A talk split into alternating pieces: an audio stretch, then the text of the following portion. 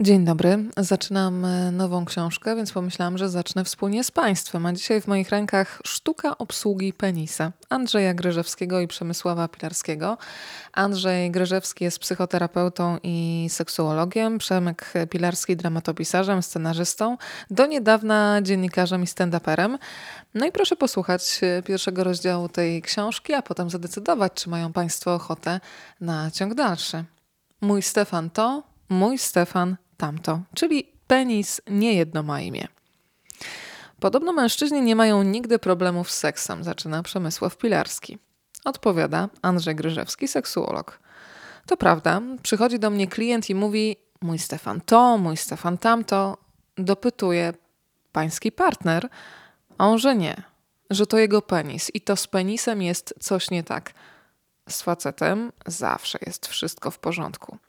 Wielu mężczyzn ma poczucie, że członek jest osobnym bytem, a przecież nie można przyjść na terapię z samym tylko członkiem. To nie zęby czy gardło, że otwierasz usta, demonstrujesz co ci dolega i wychodzisz z receptą. Problemy w seksie zawsze dotyczą całego człowieka. Dlaczego wolimy myśleć, że penis to oddzielny byt?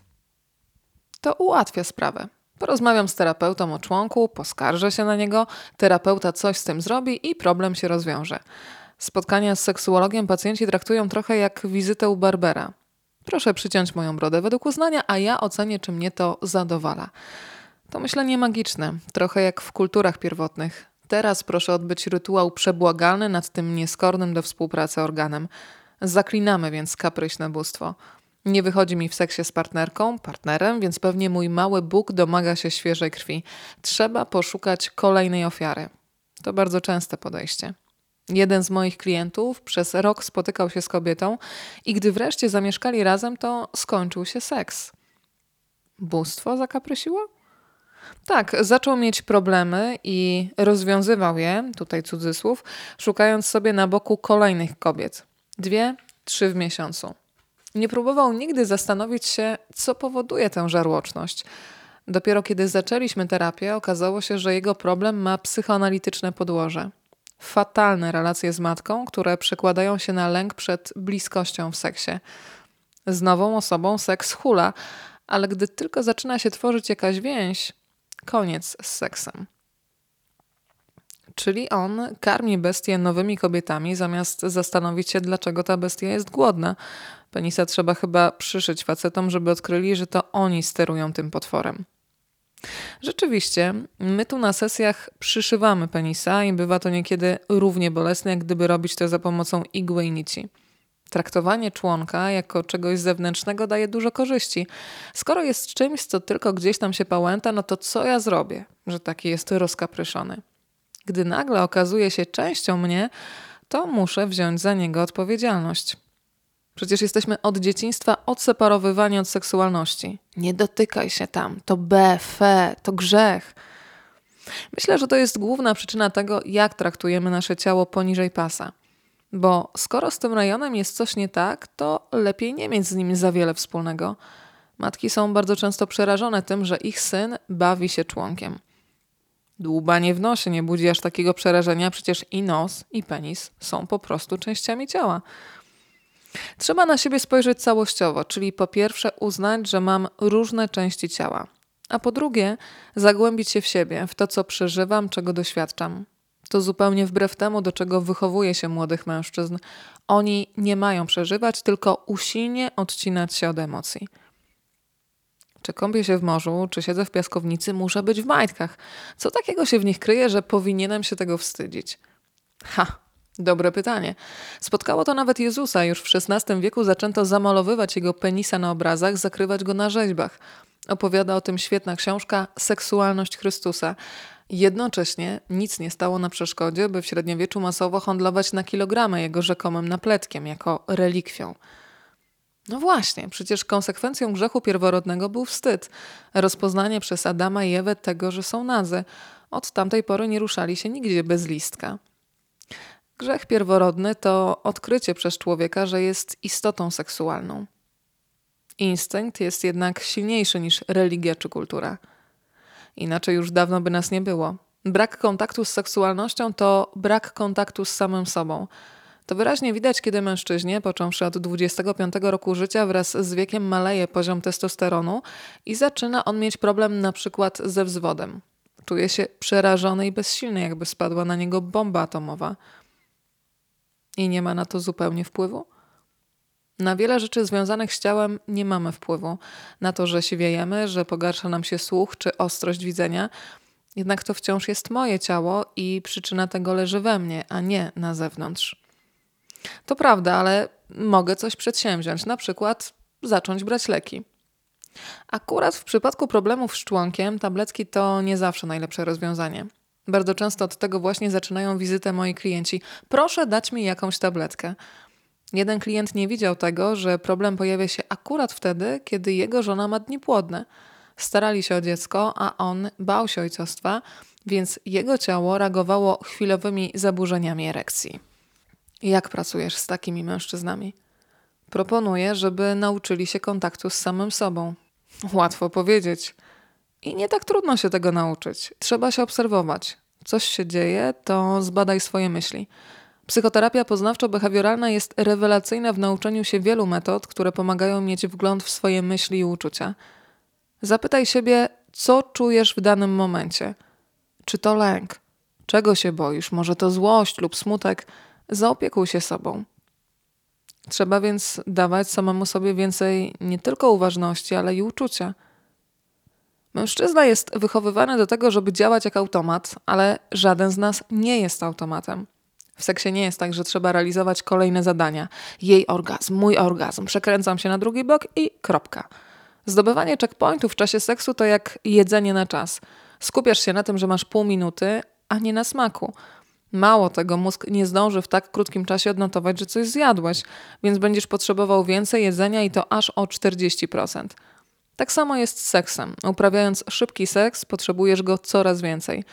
Stąd tak duża grupa mężczyzn, którzy po seksie z partnerką biegną do laptopa, by poprawić sobie doznania pornografią. Czyli promujemy slow sex. W seksuologii jest on promowany już od lat 70., oczywiście wtedy nie nazywano tego w ten sposób. Okoliczności też były inne, na przykład pornografia nie była ani tak dostępna, ani rozwinięta na taką skalę. Mniej czynników negatywnie wpływało na naszą seksualność, a dzisiaj po co się starać w sypialni, skoro można sobie po cichu obejrzeć filmik albo transmisję z kamerki? Jeden mój pacjent noc w noc spędza po kilka godzin w toalecie. Siedzi ze smartfonem i masturbuje się, gdy jego partnerka śpi. Kto wie, może już niedługo znajdziemy się w takiej sytuacji, kiedy trzeba będzie zacząć promować międzyludzki, realny seks. Ten facet siedzący nocami na sedesie też w jakimś sensie odprawia rytuał, karmi swoje bóstwo masturbacją. Utarło się niesłuszne przekonanie, że jedynym erogennym miejscem u mężczyzny jest penis, a więc jego stymulacja wystarczy mu za całe życie seksualne. Jedyne miejsce erogenne, samotna wyspa na oceanie, osobny byt – Sfera seksu to jedno, a reszta naszego ciała i emocji to co innego. Stąd się biorą różne, nieraz przerażające historie. Pewien mój pacjent, przekonany, że masturbacja jest szkodliwa i grzeszna, karał za nią swój członek, polewając go gorącą wodą, bo poparzony trudno będzie dotykać. Jak czytamy w Ewangelii według świętego Mateusza, jeśli twoje oko jest dla ciebie powodem grzechu, wyłup je i odrzuć od siebie – a jeśli powodem grzechu jest członek, polej go wrzątkiem albo natrzyj czosnkiem. Nie żartuję. Inny mój pacjent to robił, podrażniając błony śluzowe, co skutecznie zniechęcało go do dotykania siebie tam. Dotykania siebie tam, czyli dotykania swojego Stefana albo Wacka. Ciekawe są to określenia. Spotykam się też często w gabinecie z metaforyką wojenną. Działo, dzida, maczeta, harpun, lanca – Niektórzy mówią mój mały. To deprecjonujące. Genitalia to chyba jedyna część ciała, której nadaje się jakieś ksywy. Przemysław Pilarski mówi dalej tak. Nikt raczej nie nazywa swojej pachy Wandą, a łokcia Zenonem. Kobiety, odpowiada seksuolog Andrzej Gryżewski, o swojej pochwie mówią moja Helenka, moja Pusia, moja Cipka.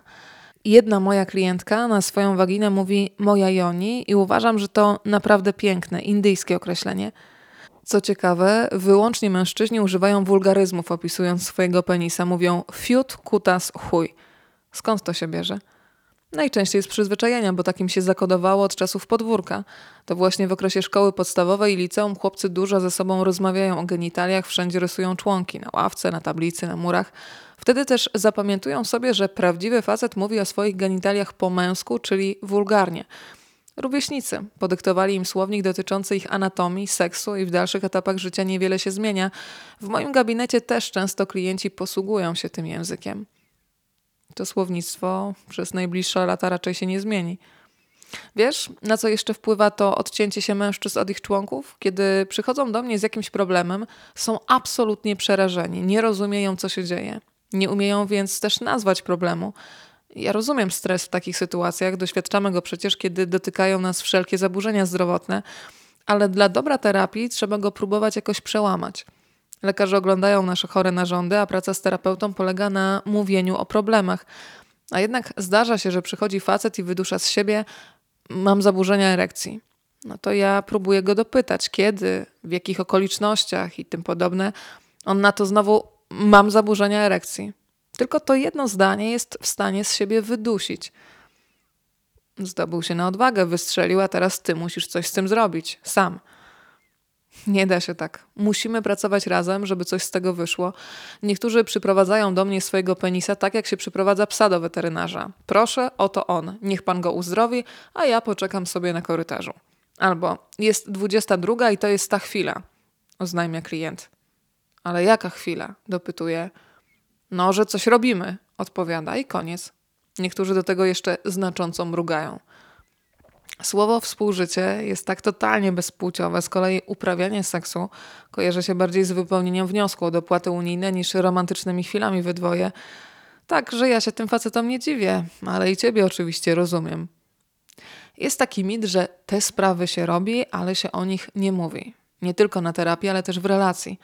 Postawa wielu mężczyzn jest taka, ona lub on sobie pomyśli, że jestem jakiś słaby, skoro muszę omawiać swoją seksualność, tłumaczyć się z czegoś. Traktują rozmowę na ten temat jak przyznanie się do porażki. No ale skoro masz problem, to nawet jak o nim nie mówisz, nakręcasz się. I to jak? Co o mnie pomyśli partnerka? Co by powiedział ojciec? Niektórzy nawet pracodawcy w to mieszają. Na pewno zaraz odkryję, że jestem słabym pracownikiem, bo mam zaburzenia erekcji. Prosta zależność, ale chyba tylko w wypadku aktorów porno. Pracodawcę naprawdę nie interesuje, czy masz erekcję raz na 20 dni, czy 20 razy na dobę. No, chyba, że jest to producent porno właśnie, albo jesteś eskortem. Właśnie, masz erekcję. To ty miewasz erekcję lub jej nie miewasz, panie facecie. Ty, nie jakiś osobny byt o obco brzmiącej nazwie penis. Gracie w tej samej drużynie. To jest partnerstwo na całe życie. To co? Przyszywamy facetom penisa? Zaczynamy. I tak zaczyna się ta historia. Ja ją kupuję. Z wdziękiem, z poczuciem humoru i z wiedzą rozmawiają panowie Przemysław Pilarski i Andrzej Gryżewski. Sztuka obsługi penisa.